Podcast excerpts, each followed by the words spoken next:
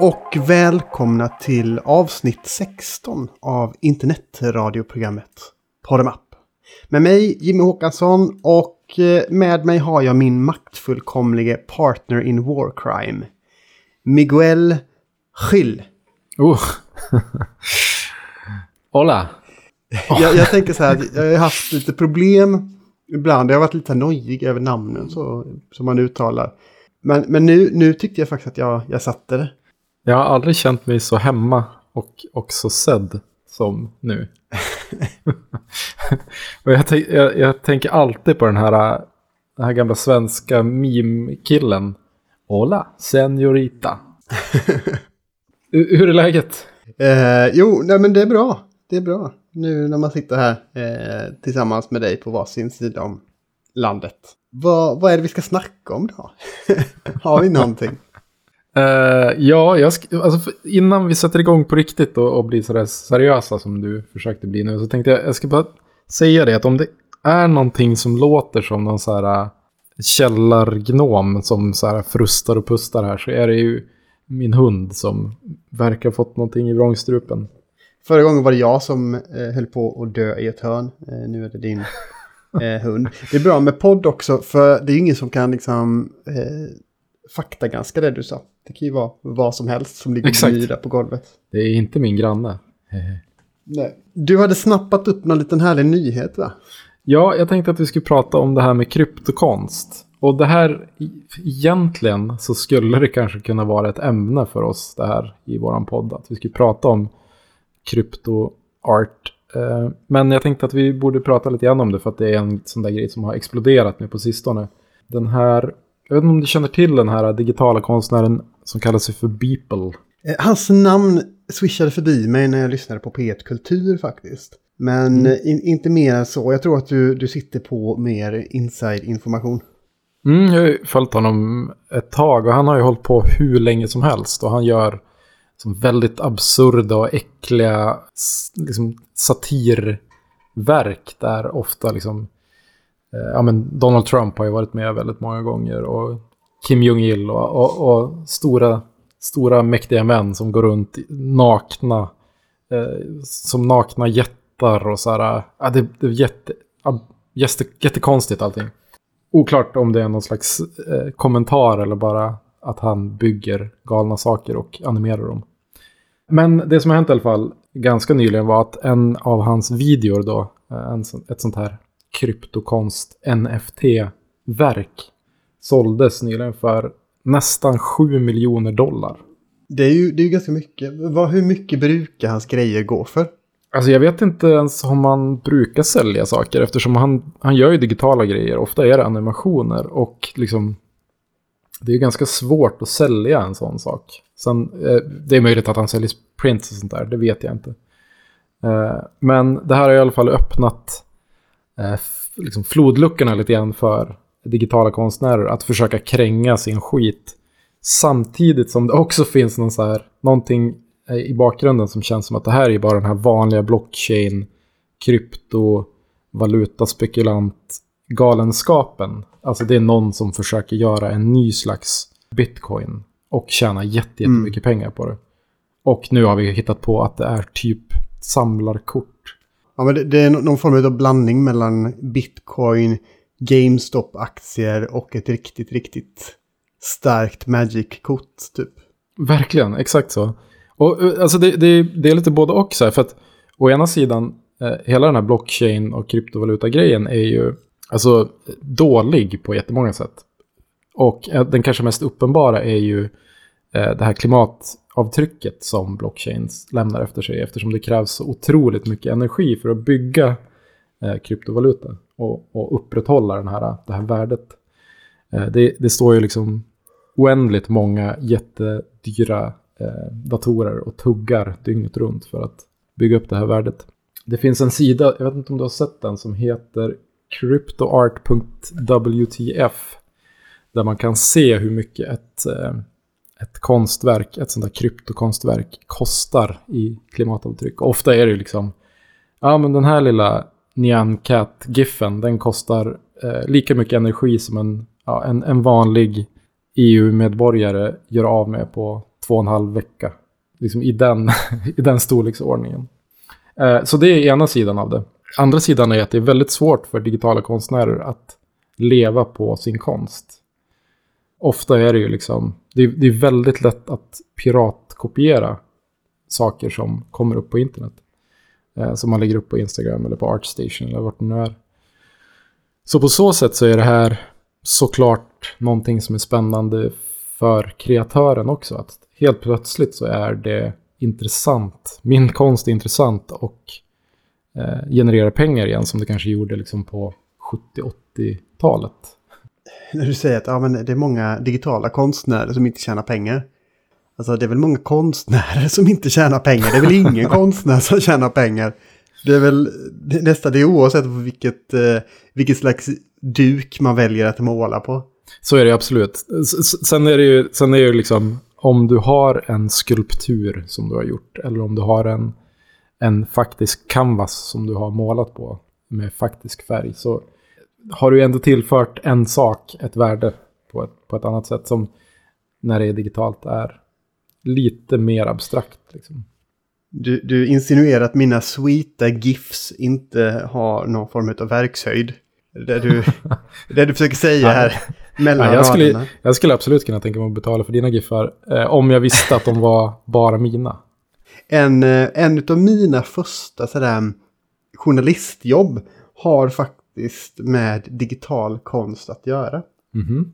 Jag intervjuade Ernst Billgren i samband med att han hade, att han sålde konst i, i det här Göteborgs utvecklade MMO-spelet Entropia Universe, om du känner till det. Just det.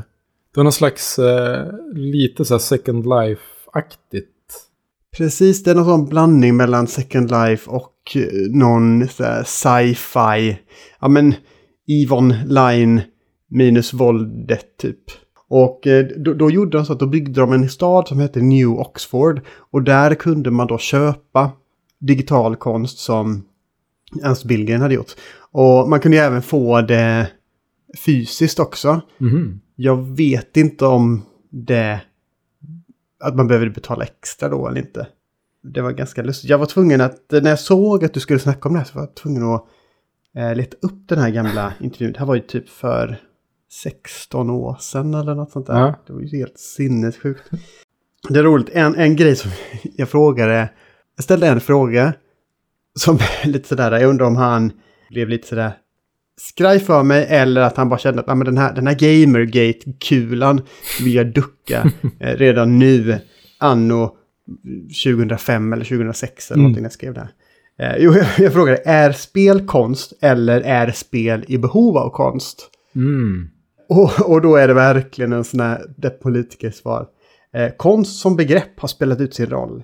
Inte tänkte Da Vinci på vad som var konst när han tecknade flygplansritningar. Spel är som målningar fast rörliga. Tv, målningar, spel, allt flyter ihop. Wow. Jag bara känner så här i efterhand att okej, okay, ett par följdfrågor hade man ju kanske ställt. Men, eh, ja. Jag skulle vilja följa upp Eh, följa pengarna där lite grann. Se vem det var som köpte Billgrens eh, konst och var, var den är någonstans nu. Det hade varit en jävligt bra sån filterstory när det visar sig att hela eh, den digitala konstutställningen i det här Göteborgs MMO-spelet bara var en sån money laundry scheme för typ ett knarkkartell. Precis som kryptokonsten är nu alltså. Ja, men du, eh, som sagt, vi ska ju prata om ämnen idag också, precis som vi alltid brukar göra. Vi har med oss varsitt. Och eh, du ska få börja. Vad ska du prata om? Jag ska prata om dator och tv-spelet Six Days in Fallujah. Vad ska du snacka om? Eh, jag tänkte prata om dokumentärserien Can't Get You Out of My Head.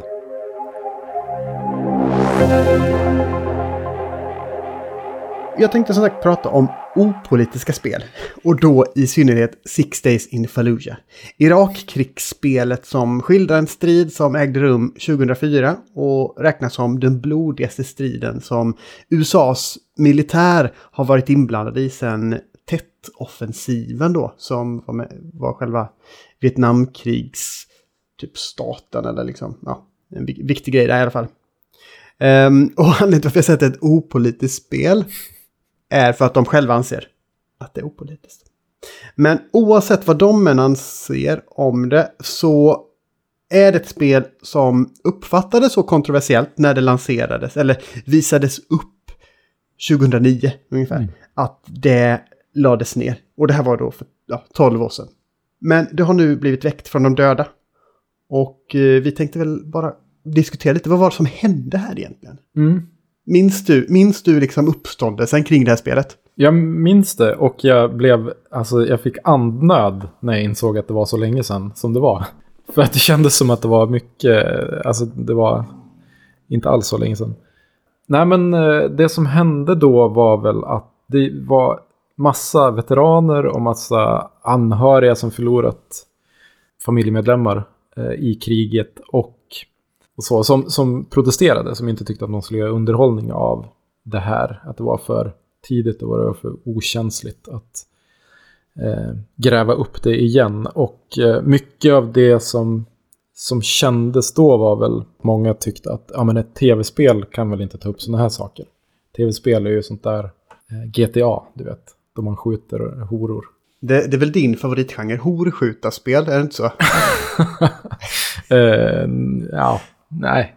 Nej, okej. Okay. Förlåt. Eh, nej, nej, men det minns jag också. Och jag minns att eh, runt den tiden så att säga, då såg ju nästan alla spel ut på det här sättet. Det fanns ju en uppsjö av eh, sådana här militär, militära taktiska eh, shooters. Det som särskilde Six Days in Fallujah, vad jag vill minnas, var ju att de tog den där stafettpinnen och sprang verkligen. Eh, genom att säga så, till skillnad från, men låt säga de här, vad heter de, Ghost Recon Advanced Warfare, de som såg väl typ nästan likadant ut i princip. Mm. Men de sa att nej, men det här utspelar sig, det är ett fiktivt krig, eh, det utspelar sig någon annanstans, det här finns det här är inte på riktigt. Mm. Eh, medan de kör, och även om det såg ut typ som att det skulle kunna vara under Irakkriget och det var, släpptes samtidigt, så körde de bara, nej men det här, det, här, det här är baserat på en riktig strid, vi vill verkligen skildra hur det var. Mm. Eh, och sådär. Eh, men jag, jag tänkte göra en sån här jag vet inte, public service-insats och liksom bara plocka upp Fallujah. Mm. Jag kan tänka mig att det är kanske en eller två, möjligtvis tre, som lyssnar på det här och inte riktigt har koll på vad det här är för ställe. Mm. Kör. Okej, okay, då kör jag. Fallujah, det, det, är ju e, enligt Wikipedia, jag har inte varit där faktiskt, så är det, har det kallats för moskéernas stad, för de har, eller åtminstone haft, över 200 moskéer i den staden. Och mm, under den här striden så förstördes i alla fall hälften av de här moskéerna. Och vad gäller den övriga byggnationen, det var cirka 50 000 byggnader i staden ungefär, varav 10 000 totalt demolerades under den här striden. Så det, så det var ju liksom ett, alltså det var ju mm, Marvel-event-nivå på förstörelsen mm. Eh, så att säga. Befolkningen före slaget var cirka 300 000 invånare. Idag räknar man att det är uppskattningsvis hälften.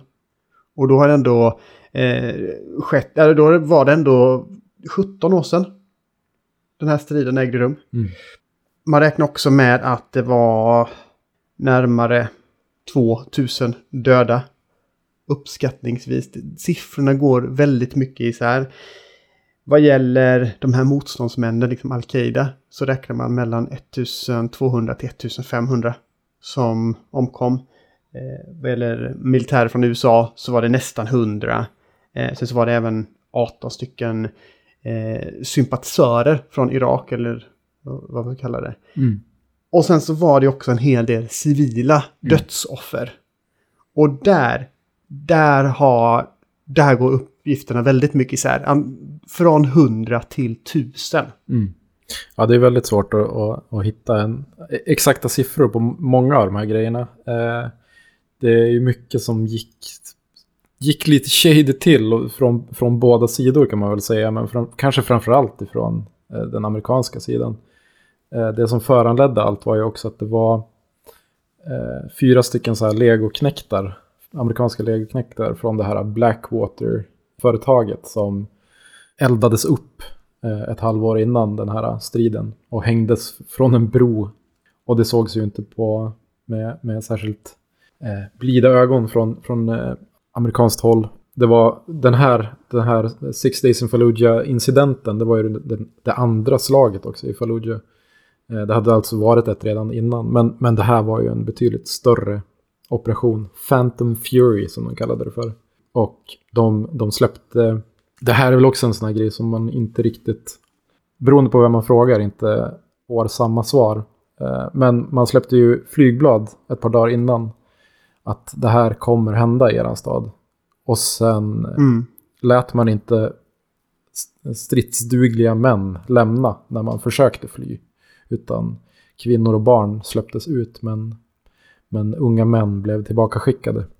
Jo men det finns ju en hel del orwellska drag i hur man började benämna fienden. Från liksom att kalla dem liksom fiendesoldater så börjar man tala om insurgents.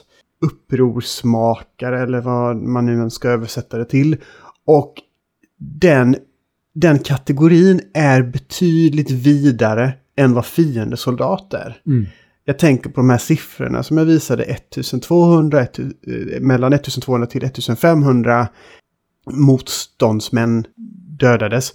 Det, det finns ju en viss chans att många av de här civila eh, hamnade i liksom insurgents-mappen.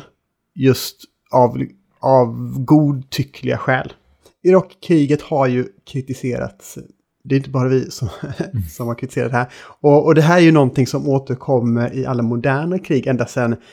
Man kan ju säga att det startade i samband med Vietnamkriget, att man verkligen började ifrågasätta varför de här krigen äger rum till att börja mm. med. Och mycket av det beror ju på att det började rapporteras om krig på ett helt annat sätt än det var gjort tidigare. Mm.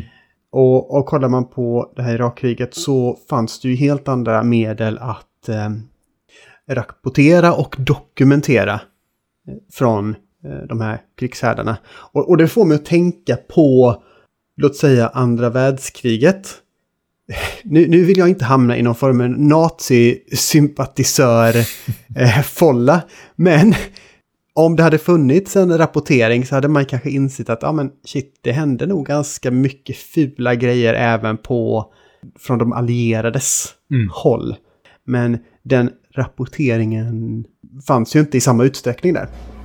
If they didn't hit you right away with machine gun, they would draw you all the way back to the back of the house where there's really nowhere to escape. Men om, om, man tar det här spelet då. Eh, nu, nu, går vi över till själva spelet. Och, och, det som de vill göra det var att de ville skildra det här slaget realistiskt.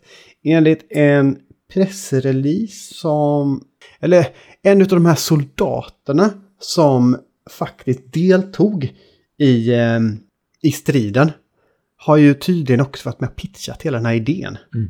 Som jag förstår det. Eh, någon former Marine Sergeant Eddie Garcia. Eh, I en pressrelease så sa han följande. Sometimes the only way to understand what's true is to experience reality for yourself. Och det var då själva pitchen för Six Days in Fallujah. Och, och, och, det de har sagt här är ju att de vill skildra det här slaget realistiskt. Mm. Det, är, det är inte o, ovanligt att man skildrar verkliga slag. Det är ju ganska ofta det sker. Jag tänker på stormningen av Normandie är ju ett ganska vanligt förekommande scenario i andra världskrigsspel. Mm. Men precis som du sa, det som gjorde att eh, Six Days in Fallujah fick så mycket uppståndelse var ju för att det var så himla färskt i minne. 2009, det var fem år efter mm. det här slaget hade ägt rum. Mm. Ja, det är speciellt det här. Alltså vad, vad känner du? Eh, för, för att liksom ambitionen så här långt tycker jag känns frisk på något sätt. Alltså, det är klart att spel också kan handla om sådana här allvarliga saker. Och det är klart att det kan finnas ett värde i att sätta någon i en soldats skor för en stund för att uppleva den här skiten. Samtidigt som liksom, om det var 17 år sedan jag förlorade min son eh, i Irak så skulle det såklart vara ett sår som kanske inte riktigt har läkt. Liksom. Det är klart att jag skulle må dåligt av att påminnas om det. När man skildrar någonting som, som är så himla kontroversiellt, då är det inte omöjligt att en spelet i sig blir kontroversiellt. Och så är det ju att när spel är så kopplade till underhållning. Mm. Nu har ju inte vi spelat det spelet, så vi vet ju liksom inte om vilken slags skildring den, det handlar om. Nej. Och har, har du läst den här Polygon-intervjun Mm. med eh, publishern Peter Tamte? Mm. Precis. Eh, det intressanta här tycker jag är ju att de intervjuar publishern istället för utvecklaren. På sätt och vis så får ju liksom publishern stå till svars för varför de väljer att ge ut det här spelet. Eh, kan jag uppleva. Men vad, när du läste den här intervjun, vad, vad var din takeaway? Eller var det någonting du reagerade på? Alltså den stora grejen som, eller den, den grejen som Polygon valde att, att blåsa upp lite grann var ju just det här uttalandet om att spelet inte, de hade ingen ambition att göra ett politiskt spel. Utan de ville visa vad, snarare visa hur en fotsoldat liksom påverkas av policymakers, alltså beslutsfattarnas, deras politik i förlängningen då. Det låter ju politiskt. Det låter jättepolitiskt och jag kan inte, jag kan inte för mitt liv förstå hur ett krig eh, kan vara opolitiskt. alltså, Nej, nej, det är ju väldigt svårt att eh, se det. det. Jag kan ju på sätt och vis... Alltså jag pendlade fram och tillbaka när jag läste intervjun. Å ena sidan så tänkte jag, ja men ja, det är klart de ska göra det här spelet, även om det kanske inte nödvändigtvis är ett spel som jag vill ha. mm, Så är det ändå intressant och möjligtvis värdefullt att ett sånt här spel får existera. Å andra sekunden så var det lite här att de man diskuterade eh, att det skulle bli the most authentic tactical shooter eller något sånt där. Exakt vad är det de menar med det här? mm. Det är lite, lite dubbla budskap. Om det verkligen ska vara the most authentic tactical shooter, då tänker jag att eh, 98% av spelet går ut på att eh, de typ sitter in i någon, något buskage och röker liksom. och inte gör någonting, väntar på att något ska hända. Mm. Jag, jag vet inte, jag tyckte det var väldigt märkligt. Och, och precis, det, det här sa ju han Peter Samte. We're not trying to make a political commentary about whether or not the war itself was a good or bad idea. Och jag vet inte riktigt vad jag ska säga om det här. Det, det är så himla blandat. Jag kan ju tänka så här. Att eventuellt så menar han att de vill inte moralisera. De vill inte skriva oss eh, på näsan om vad man ska tycka om det här. Mm. Men det kommer ju finnas en authors intent. De har ju utvecklat det här spelet, de har intentioner, det är någon som är manusförfattare, det är någon som har regisserat hur, vad som ska ske. Mm. Det, fi- det finns ju en kommentar här i, vare sig man vill det eller inte. Mm. Och det som framgick eh, både mellan raderna och på raderna var ju det här att de vill ju få en att eh, förstå soldaterna som var inblandade, liksom att man ska empatisera. Ursäkta. De vill att man ska empatisera med dem och förstå den här komplicerade situationen de befann sig i. Mm. Och det också, och också får mig så här lite så här, ja okej, eh, det kan vara bra, men det kan också vara lite sådär eh, support the troops, Mm. obehagligt. Mm. Ja, Alltså det, det känns ju som den, den absolut svåraste sak man kan försöka sig på på något sätt. Samtidigt som de vill ju också sälja spel. Vem ska de sälja spelet till? Liksom, ska de sälja spelet till de som, som gillar eh, amerikansk militär och som vill supporta troops? Eller ska de sälja det till de som tyckte att ja men vad fan, det här kriget var ju helt... Det var ju baserat på en lögn. Det fanns inga massförstörelsevapen. Eh, och är kritiska mot allting liksom. Eller är det som vanligt när det kommer till spel att de vill att alla ska spela spelet så de tjänar en massa pengar? Ja, men i de här citaten så vare sig öppnar eller stänger han några dörrar för någon av de här målgrupperna. Nej men exakt, och det, det, är oftast det det handlar om när, när spelutvecklare säger äh, det är inte politiskt. Alltså Hideo Kojima, eller vem fan den än är, som skriver hyfsat ambitiösa manus och sen vägrar stå för någonting som de säger. Eh, då handlar det allt om det, att de vill tilltala så många som möjligt, trots att de har gjort ett spel som The Division 2, som handlar om en revolution på amerikansk mark. Liksom. Eh, nej, det är inte politiskt. Vad pratar du om? Liksom? Det är klart att det är politiskt. Ja, det är väldigt märkligt. Men någonting som de har gjort i alla fall är ju rigorös research. De har ju intervjuat, vad var det, ett 70, 80 eller 90-tal eh, personer som var inblandade i, i, kriget. Som jag har förstått det från båda sidorna. Och mm. även då civilister. Mm. Och spelet i sig, eh, där finns det två stycken narrativ, eller två stycken historier som vävs samman. Och eh, den stora berättelsen är ju då den här eh, amerikanska militären som deltar i striden. Men det finns ju även en eh, sidoberättelse om en pappa som ska rädda sin familj eh, mitt under det här kriget. Och det, det, det är ju nästan, ja, det är nästan den historien som jag tycker känns mest intressant. Mm. Den får ju mig att tänka på ett annat eh, krigsspel som jag tyckte väldigt mycket om. Det enda spelet tror jag som jag gett full pott till när jag, när jag skrev för Svenska Dagbladet. Mm. Och jag tänker på This War of Mine. Mm. Om du minns det gamla spelet. Absolut. Det är ju ett slags överlevnadsspel eh, som är utvecklat av en polsk, polsk studio som heter Eleven Bit Studios tror jag. Mm. Eh, och det är ett krigsspel som man, vad ska man säga, upplever från sidlinjen på något sätt. För man är ju de här civila människorna som lever i en ockuperad stad. Hela upplägget är väldigt inspirerat av ockupationen av Sarajevo, men settingen som sådan är fiktiv. Så på så sätt så skiljer de sig eh, ganska mycket ifrån eh, Six Days in Fallujah. Men det spelet tyckte jag var alldeles, alldeles utmärkt. Och det var ett spel som inte skrev en på näsan på det sättet utan mer skildrade och gestaltade hur en ockupation kan te sig och vilka följder det kan få. Eh, ett annat spel som ett sånt krigsspel som jag också uppskattar väldigt mycket är ju Spec Ops The Line. Som var en, vad ska man säga, en modern tolkning av mörkrets hjärta i princip. Fast mm. sett, satt i en...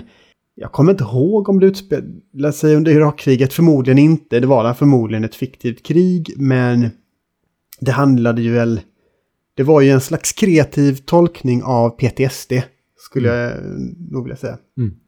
Och där, där var det väl politiskt på det sättet att de var väldigt tydliga med vad de tyckte och sådär.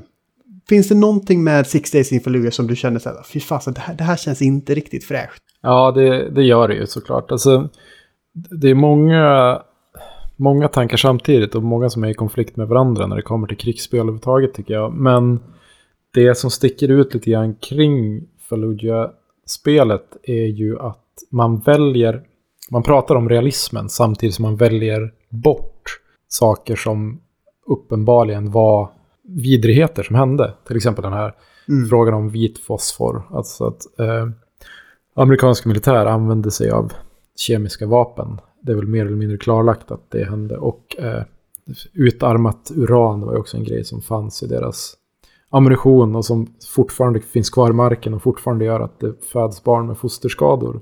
Men det här vill, eh, det här vill inte Highwire Games ta i alls. Och då undrar jag lite grann så här, vad, vad, är, vad är realism och varför, varför gör man vissa val och inte andra på något sätt? Det som han Peter Tamte sa när han fick den frågan på i Polygon-intervjun var ju att eh, det var ingen de snackade med som nämnde eh, de här vit fosfor eh, användningen så att säga. Och det andra var att han inte ville att sådana här sensationella eh, saker ska dra uppmärksamheten bort från det. Från själva upplevelsen och de här mänskliga historierna som han vill att folk ska kunna... Som alla kan relatera till tror jag att han sa. Mm. Och jag tänker att jag vet inte hur allmänmänskligt en sådana här upplevelser är. Jag hoppas inte att det är en allmänmänsklig upplevelse. Jag hoppas ju att det här är någon, en, en ytterlighet som väldigt få av oss tvingas ställa sig inför. Mm, verkligen.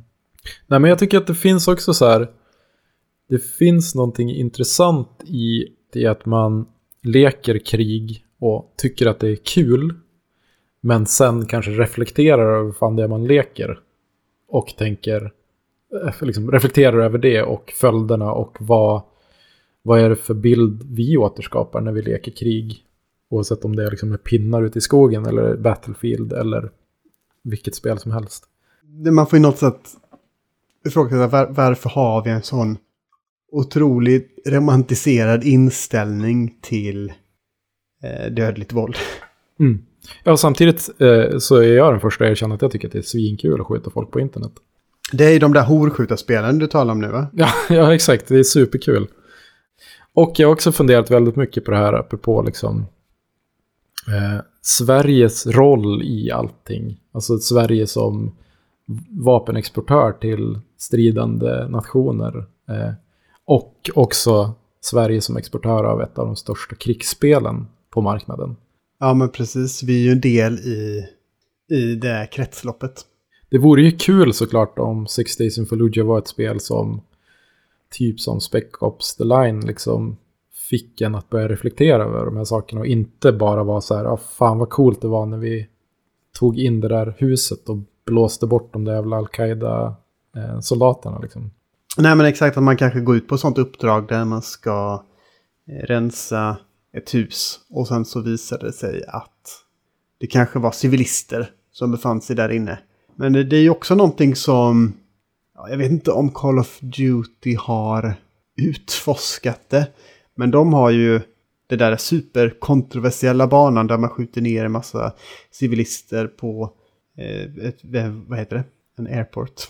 En flygplats. En flygplats heter det på svenska. Ja, det är väl ett, en spelserie som gång på gång har låtsats vara opolitisk och eh, samtidigt varit extremt tydliga med vad, var de står på något sätt. Det, det är ju svårt att säga så här, som Call of Duty i princip säger att vi, vi är helt opolitiska. Och sen även War. It's fantastic. Verkligen. Jag, jag, kollade faktiskt på, eh, om man kollar på, på Wikipedia, på Second Battle of Fallujah eh, sidan där så kan man hitta ett ganska långt videoklipp som är filmat av amerikanska soldater under den här striden. När de går liksom under ett par dagar där i, i november 2004 går igenom grannskap och söker igenom hus och spränger upp dörrar och liksom, eh, reflekterar över att ah, den här sängen är fortfarande bäddad, och så går de vidare. Och sen klipps det till någon som, någon som sitter med ett maskingevär på ett tak och skjuter på någonting som kanske är en motstånds Eh, och, och det som jag slogs av är hur jävla tråkigt det, det är. Alltså säkert superläskigt och, och, intensivt att vara där förstås när det smäller runt omkring en. Men de här snubbarna, de går ju bara runt och så här äh, snackar om att de önskar att de skulle få tårta när de kommer hem ikväll typ. Och, och såna grejer autentiskt krig är ju inte riktigt stormningen av Normandie i Medal of Honor. Som humanitär katastrof som Fallujah-slaget var är också inte bara Rambo som springer över tak och skjuter eh, granatpilar. Only way you can clear a city is you have to search every house, you have to search every room and you have to root out every insurgent.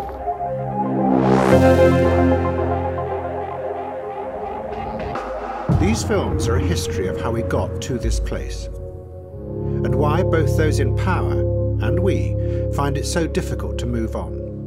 Vad har egentligen Mao Zedongs fru gemensamt med beefen mellan Death Row och Bad Boy Records? Och hur hänger egentligen Pokémon Go ihop med ryska nationalbolsjeviker? Ja, inte alls, trodde jag. Tills jag såg den nya BBC-dokumentärserien Can't Get You Out of My Head, An Emotional History of the Modern World. Under någonstans mellan 6 och 7 timmar plockar journalisten och dokumentärfilmaren Adam Curtis isär det moderna samhällets utveckling. Han har en 300 år tjock klippbok som han noggrant plockat ur och sen vävt ihop en oändligt mörk berättelse om historien. Varför är vi där vi är just nu? Finns det en väg ut och vad är ens ut? Jimmy, har du någon relation till Adam Curtis och hans filmer? Jag har tyvärr inte det. Det är en av mina otaliga kunskapsluckor. Jag, jag försökte mm, ta mig an eh, den här dokumentär, dokumentären. Eh, och, och, det var ju, det, det, lilla jag hann se var ju ett eh, mäktigt och intrikat collage. Ett lapptäcke av olika fenomen och saker som till synes inte hörde eh, samman med varandra. Men jag, jag var lite trött i hjärnan när, när du skickade den här länken. Bara, ja, Jimmy, du måste se den här sju timmar långa dokumentärfilmen. Bara, ja, ja, okej. Okay. Um, nej men så det tog ungefär 20 minuter innan jag insåg att det inte handlade om Kylie Minogue-låten med samma namn. Först tänkte jag bara att ja, det är, väl, det, är väl, det är väl rimligt att man gör sju timmar dokumentär om den här härliga discodängen. Kylie eh, förtjänar säkert minst eh, fem timmar dokumentärserie. Men, men det är ju inte riktigt det det handlar om. Det här. Men om vi börjar med Adam Curtis då. Han är ju en, en journalist och dokumentärfilmare som har varit igång ja, men sedan tidigt 80-tal på ett eller annat sätt. Och han fick sitt riktiga genombrott med The Century of Self som var en, kan man säga, en uppgörelse med den västerländska människans önskan om eh, självförverkligande och vad det har liksom för samhälleliga följder och hur samhället utövar påtryckningar på individer som vars främsta mål är sitt eget självförverkligande. Precis som du sa, så han har ju en väldigt speciell stil, Curtis, i sina dokumentärer. Det är ofta collage, att han har liksom rajdat eh, arkiv, filmarkiv och plockat godbitar från alla möjliga ställen, alltså musikvideor och, och nyhetsinslag och allt möjligt. Och sen bygger han ett, liksom, ett väldigt, väldigt stort övergripande narrativ baserat på en mängd ja, men människoporträtt egentligen. Några av de så här eh, spännande grejer som man bara doppar tårna i lite grann eh, i den här serien är en medhjälpare till Putin som är en konstnär som har sett till att eh, på något sätt vävt ihop en bild om Putin som allsmäktig och oersättbar kan man väl säga. Genom att eh, bland annat finansiera både folk som tycker om Putin och folk som inte tycker om Putin. För att skapa någon slags eh, diskussion i landet. Han har också, varit, han har också pratat om krig, om, om icke-linjära krig. Att det är viktigt att sprida bilden av ett krig där man inte riktigt vet vem som är god eller ond, inte riktigt vet vad som händer. Eh, bara för att göra att, folk inte riktigt vet hur de ska ta sig an det här. De, man vet inte om man ska protestera mot ett krig som man inte riktigt förstår. Och, och, och liksom andra intressanta personligheter som, som Curtis tar i, i den här serien är ju då Mao Zedongs fru till exempel, Yang Qing, eh, som var en för sin tid eh, en otrolig individualism som liksom inte alls ville skriva under på det som partiet ville göra. Utan hon, hon sa att hon var en enhet av en. Och fick ju då såklart Maos eh, kollegor att eh, vända sig emot henne. Men hon lyckades på något sätt då spela det här maktspelet så pass bra att hon kunde avrätta alla i kulturrevolutionen. Eh, hon skrev också om Kinas historia på ett väldigt effektivt sätt genom att skriva om väldigt många historiska operor så att de sen handlade om, om, om partiets, eh, partiets linje egentligen. Andra intressanta eh, karaktärer. Det finns en eh, inflyttad engelsman som, heter, som, eller som kallar sig för Michael X. Som från början var en torped för någon slags shady eh, fastighetsägare i, i London. Som sen utvecklas till att bli en medborgarrättskämpe och eh, som, som står upp för sociala frågor. Som sen blir superparanoid och har ihjäl någon eh, ung engelsk kvinna och blir avrättad. En, ytterligare en annan intressant person i det här galleriet är FNI Shakur. Som var en medborgarrättskämpe i USA. Som gick med i Svarta Pantrarna. Som vid en period blev åtalad för ett terrorattentat. Och sen visade det sig att alla de pantrar som hade försökt att pusha för det här attentatet var agenter som hade infiltrerat, infiltrerat eh, pantrarna och ingen OCIA-person i eh, sällskapet var egentligen intresserad av att spränga någonting så alla blev, eh, blev friade. Men, men det som Curtis gör med alla de här olika porträtten är att han vill visa på en förändring i samhället från det kollektiva där man lyssnar på vad man blir tillsagd och gör det till det här eh, individuella som, som liksom hände under och i, i och med kalla kriget när USA vill positionera sig gentemot öststaterna på ett sätt. Genom att visa att här i vårt land är man fri och, och kan göra vad man vill. Och han knyter då det till det, eh, förortshemmafruar som känner sig fria men väldigt, väldigt ensamma och till slut blir liksom valiumtorskar. Eh, på ett sätt som påminner ganska mycket om liksom den här opiatkatastrofen som har skett under de senaste tio åren. Och sen drar han det vidare också till att eh, prata om det som händer nu med populismen och det här känslostyrda politiska samhället som vi har idag. Där känslor på något sätt förstärks och eh, det finns väldigt många samhälleliga institutioner som liksom lever på att förmedla de här starka känslorna så att fler känner starkare och som klickar på texter och tittar på videor och blir ännu mer upprörda. Och så blickar han också in i framtiden och försöker se liksom vad, vart kan det här ta vägen någonstans. Otroligt intressant, otroligt snyggt, fantastisk musik. Det, allting är så jävla snyggt. Jag tycker att det här är hur bra som helst. Jag är jätteledsen att du var för trött när du försökte se det. För, för... Du skickade ju även en trailer för hela den, det här uh, dokumentärfilmsprojektet. man kan säga mycket om den här dokumentärserien, men den är ju inte, um, den är inte hisspitch-kompatibel. Och, och det som jag såg i, i den här trailern, det var ju bara totalt Nej, myller och, och kakafoni. Um, det var liksom, ja men så här Mao Zedong och sen så Tupac Shakur helt plötsligt. Och jag bara, va? Vad har någonting med någonting att göra i det här? Och jag antar att he, he, hela den här väven är lite som en... Eh, är det... Nu blottar jag mina kunskapsluckor igen. Men är det en Monet där man inte ser någonting vad det föreställer när man är, tittar nära. Utan man måste ta så många steg bakåt för liksom att se, jaha, oj, det är näckrosor. Och jag tänker lite att det är ungefär samma sak här, att det framstår som någon form av ett idéhistoriskt kakafoni. Bara någon som står på en låda och gapar och sen skaffar sig ett YouTube-konto och tillgång till olika klipp. Nu raljerar jag för jag har som sagt inte sett allt det här. Men i slutändan så faller liksom de här separata bitarna ihop och man ser att okej, okay, det, det hänger ihop.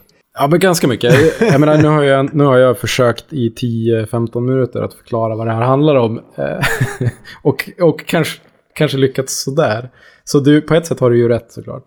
Men jag tycker att alla, oavsett om man köper hans liksom, övergripande teori, så tycker jag att varje enskilt liksom, dyk ner i historien är intressant. Att se så här hur eh, Storbritanniens, eh, när, när, när de förlorade sina kolonier, hur det påverkade landet och imperiet och, och människorna. Och, och hur liksom människor från kolonierna flyttade till England i hopp om att, eller efter att ha blivit uppfostrade, att det här är liksom moderlandet, det, är här, det här är det stora, det vackra landet. Mm. Och så kommer man dit och så får man bara skit och rasistisk, rasistiskt hat mot sig. Alltså alla sådana grejer är väldigt intressanta i sig. Att, att kolla på Facebook och beteendevetar psykologivinkeln. Så här, hur jobbar man för att påverka människor idag? Superintressant. Eh, kinesiska övervakningssamhället. Jag måste bara, just den där grejen du berättade om en person som kom ifrån någon av de här kolonial, kol, kolonierna så att säga. Som berättade om uppväxten där och att man hela tiden fick höra att man tillhörde det stora imperiet och det var så romantiserat och vi tillhörde ett stort kraftigt folk. Men när man väl mm. kom dit så var man typ en svartskalle liksom. Och det, det var det, det lilla han jag se innan jag var... och, och det grep tag i mig. Det var väldigt starkt tyckte jag. Ja, men det är superspännande för att väldigt mycket av det här handlar ju om berättelsen om verkligheten. Alltså vad, att det på något sätt finns två stycken verkligheter. En faktisk verklighet och en verklighet som vi intalar oss att vi lever i. Eh, en av, av Curtis tidigare eh, dokumentärer heter eh, Hypernormalization och där, där handlar det bland annat om hur Sovjet, hur, hur människor i Sovjet eh, i mitten av 80-talet såg på sitt samhälle. Som ju uppenbarligen var ett, ett samhälle på väg mot kollaps på flera olika sätt. Liksom. Men man kunde inte, man kunde inte förstå vad som skulle finnas istället eller vad som skulle komma efter. Så då tänkte man, ja ah, men det här är normalt. Trots att det var allt annat än normalt. Och det här är ju, det är ju på något sätt kärnan i hans berättelse då. Han återvänder jättemånga gånger till en, en eh, antropolog och författare som heter David Graeber. Eh, som har skrivit en bok, eller han har skrivit flera böcker, men den han är mest känd för heter Skuld, de första 5000 åren. Och det citatet som Curtis använder är The ultimate hidden truth of the world is that it is something we make and could just as easily make differently. Och det här, efter då liksom fem och en halv timme mörker och misär, så, så kommer det som, så här, som slutkläm då att Curtis menar att det inte nödvändigtvis så är att, att vi är så pass lättpåverkade som vi kanske tror att vi är. Facebook eh, kanske inte kan göra så mycket med alla sina algoritmer och all den här AI som försöker förutse våra, våra beteenden. Eh, de, de kanske inte klarar att påverka oss. Vi, vi kanske faktiskt kan göra någonting annat än skapa ett samhälle som är någonting annat än de här två ytterligheterna av det galna känslomässiga USA eller det superövervakade Kina. Det kanske finns någonting annat där som, som är mycket bättre. Och det, det tycker jag är väldigt intressant. Eh, särskilt liksom i dessa tider man, man tänker på hur mycket som känns så jävla konstigt eh, hela tiden. Och, och, så absurt. Oavsett om det handlar om kryptokonst eller GameStop-aktier eller liksom Pepe the Frog får Trump att bli president. Eh, men det är ju så här för att vi låter det vara så här. Det går att göra, det går att göra någonting annat.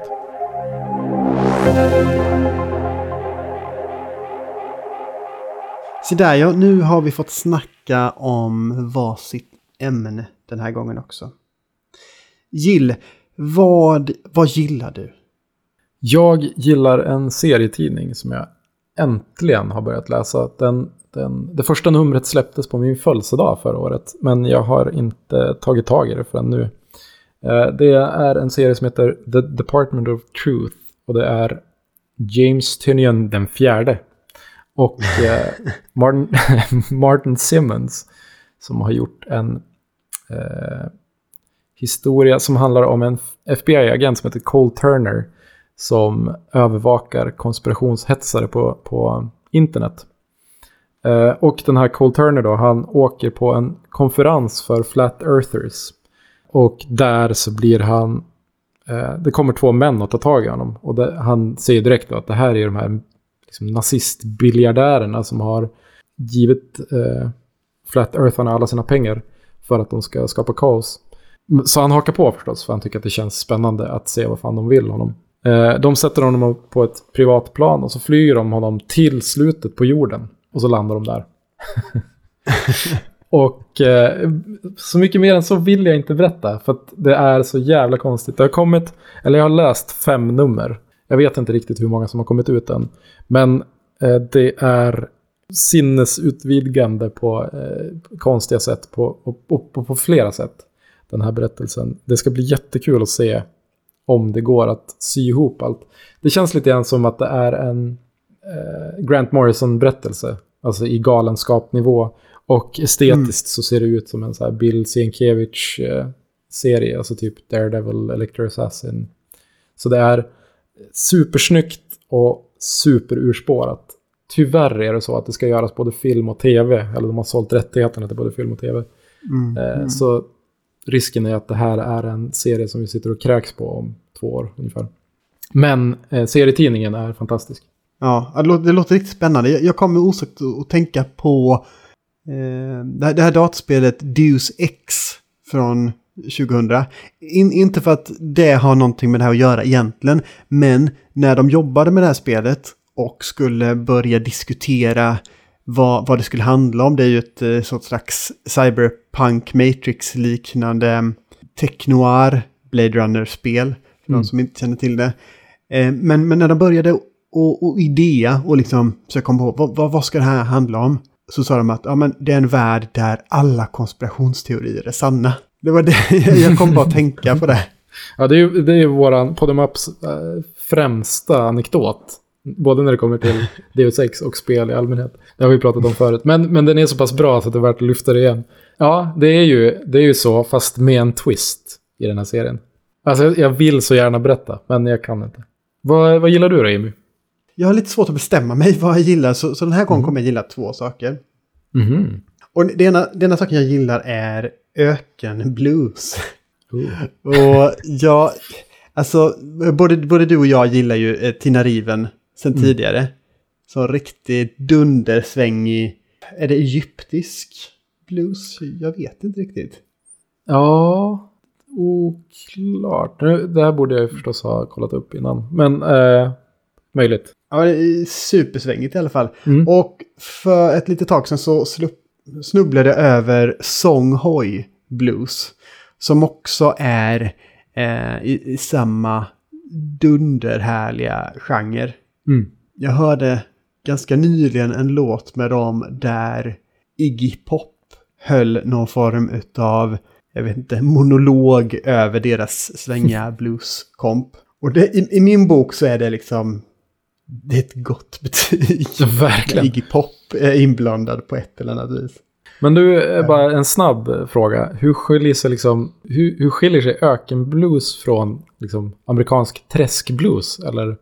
Det, det, den stora skillnaden är att när man lyssnar på ökenblues så har man den här känslan i bakhuvudet. Så här bara, ja men approprierar jag någonting nu? Och det gillar du? Jag vet inte, ja det, det är det jag är ute efter. Det, det, det är min jam. Ja, men, det, finns ju, det finns ju någonting Um, jag skäms ju för att erkänna men det finns ju något exotiskt i ökenblues samtidigt som den har det här västerländska gunget som man är så bekväm i ändå. Mm. Ja, jag, jag, tycker, jag, jag, tycker att det känns som att det, det, finns som en annan sorts tidlöshet i det. Så att det, känns, det känns uråldrigt samtidigt som det är modernt. Liksom. Eh, och, och nästan lite meditativt. Alltså Tina Riven då framförallt. Liksom. Så det gillar jag och eh, en annan sak som jag gillar det är ju den här tecknade serien Solar Opposites. Mm -hmm. Och om du, liksom jag, är tosk på Rick and Morty och bara älskar ja, men, allting som Dan Harmon gör i princip. Nu är inte Dan Harmon inblandad i Solar Opposites visserligen, men Justin Roiland är det. Mm. Och Justin Roiland är ju medskapare till Rick and Morty. Och det är också han som gör rösterna till både Rick och Morty. Och han gör rösterna till eh, huvudrollen i den här serien som heter Corvo. Och det, det är en eh, utomjording som tillsammans med sin utomjordingsfamilj, det är ingen familj i det sättet utan det är en kollega och de har varsin klon i princip. Men de, de kraschlandar på eh, jorden och försöker anpassa sig till den här nya kulturen så, så mycket som möjligt. Men det är lite svårt att smälta in när man typ samlar på förkrympta människor i ett stort terrarium, eh, vägg och man eh, skapar en Cronenberg-mutant av en eh, barnprogramsfigur eh, som går loss på en hel stad. Ja, det är många, många så klassiska misstag, som, så kulturkrockar som kan uppstå. Är det, jag, jag, tycker ju jättemycket om Rick and Morty, men är det här liksom, känns det här som att det är en egen serie? Eller blir det bara en fortsättning på samma sak? Det här känns som ett av de här segmenten i Intergalactic Cable de, de avsnitten, som mm. för övrigt är kanske mina absolut favorit, favorit uh, Rick and Morty-avsnitt. Ja, men det är lite som en sån här, som den där reklamen, så här, Come and buy your fake doors. och så, alltså är det en reklamfilm för liksom, sälj, någon som säljer fake dörrar. Så den bara fortsätter kör han ifrån den där fil- reklamfilmsinspelningen, går hem, rostar bröd, käkar kvällsmat och sen så fortsätter det jättelänge. Och, och bara, det bara fortsätter, det bara fortsätter. Och sen så efter typ så här fem minuter så glöm inte, kom till affären. och, och, det är lite samma sak här. Det här det är som ett sånt segment, eller ett inslag i Interactive Cable som mm. typ får en säsong. och det låter kanske lite så att man urvattnar någonting. Och ja, det är inte lika kreativt och, och, och roligt som Rick and Morty. Mm. Men det är ju väldigt roligt ändå. Ja, men vad roligt. Jag, jag, blev lite mätt på Justin, framförallt efter att ha spelat eh, det här spelet. Um, Trover Saves the Universe. Som ju känns extremt mycket Rick and Morty. Och, och där det bara blev så här. Det blev för mycket på något sätt. Och, och sen dess har jag som inte velat gå tillbaka till Rick and Morty heller. Utan ja, jag har känt mig lite klar med det på samma sätt som jag blev otroligt klar med Family Guy och, och sådär efter ett tag. Men jag hoppas att det här kanske kan vara det som tänder eh, glöden på nytt eller något. Ja, absolut. Om, om det inte gör det eh, så kan jag ändå rekommendera Dan Harmans Instagram. På tal om mm. något helt annat. Och eh, bara leta, gå in i hans flöde och bara leta upp typ hans videoklipp. För då är det, om, om det inte är någon sån här märklig konstruktion som han har byggt, för han har byggt träslöjda på äldre dagar. Mm. Eh, om det inte är det så är det en härlig sång där han sjunger så helt, helt absurda grejer som att man ska skriva ett kärleksbrev till honom och stoppa upp i hans rumpa. Ja, men, jättelarviga saker men det är också så helt oemotståndligt. Eh, och så tre saker gillar jag den här Alltså gången. det här är, jag, jag, jag, har inte fått memot som säger att man får se, gilla fler än en saker. För i sånt fall hade jag sagt fyra. Då vinner du. Ja, ja, men, men, men det här var väl det, var väl det va? Eller hur är det nu? Har, har inte vi någon sån här grej som vi måste nämna i slutet? Som du får nämna för att jag tog ju introt den här gången. Ja, eh, det, det här eh, det smutsiga. Den smutsiga efterbörden av ett härligt avsnitt med oss. Också den, du vet den här grejen med att göra reklam för våra sociala medier till folk som redan lyssnar på oss. De har ju hittat till oss redan. Varför ska de behöva höra den här skiten? De vet ju att man kan hitta oss på, på Upcast både på Instagram och på Twitter. Och de vet att vi vill att de ska sprida våran gospel, men det skiter ju de i. Ja, va, va, varför gör ni det? ja, ja, men om ni mot förmodan skulle vilja hitta till våra sociala medier igen så heter vi at podemupcast. Så är det. Ja, men det, det var allt för den här gången.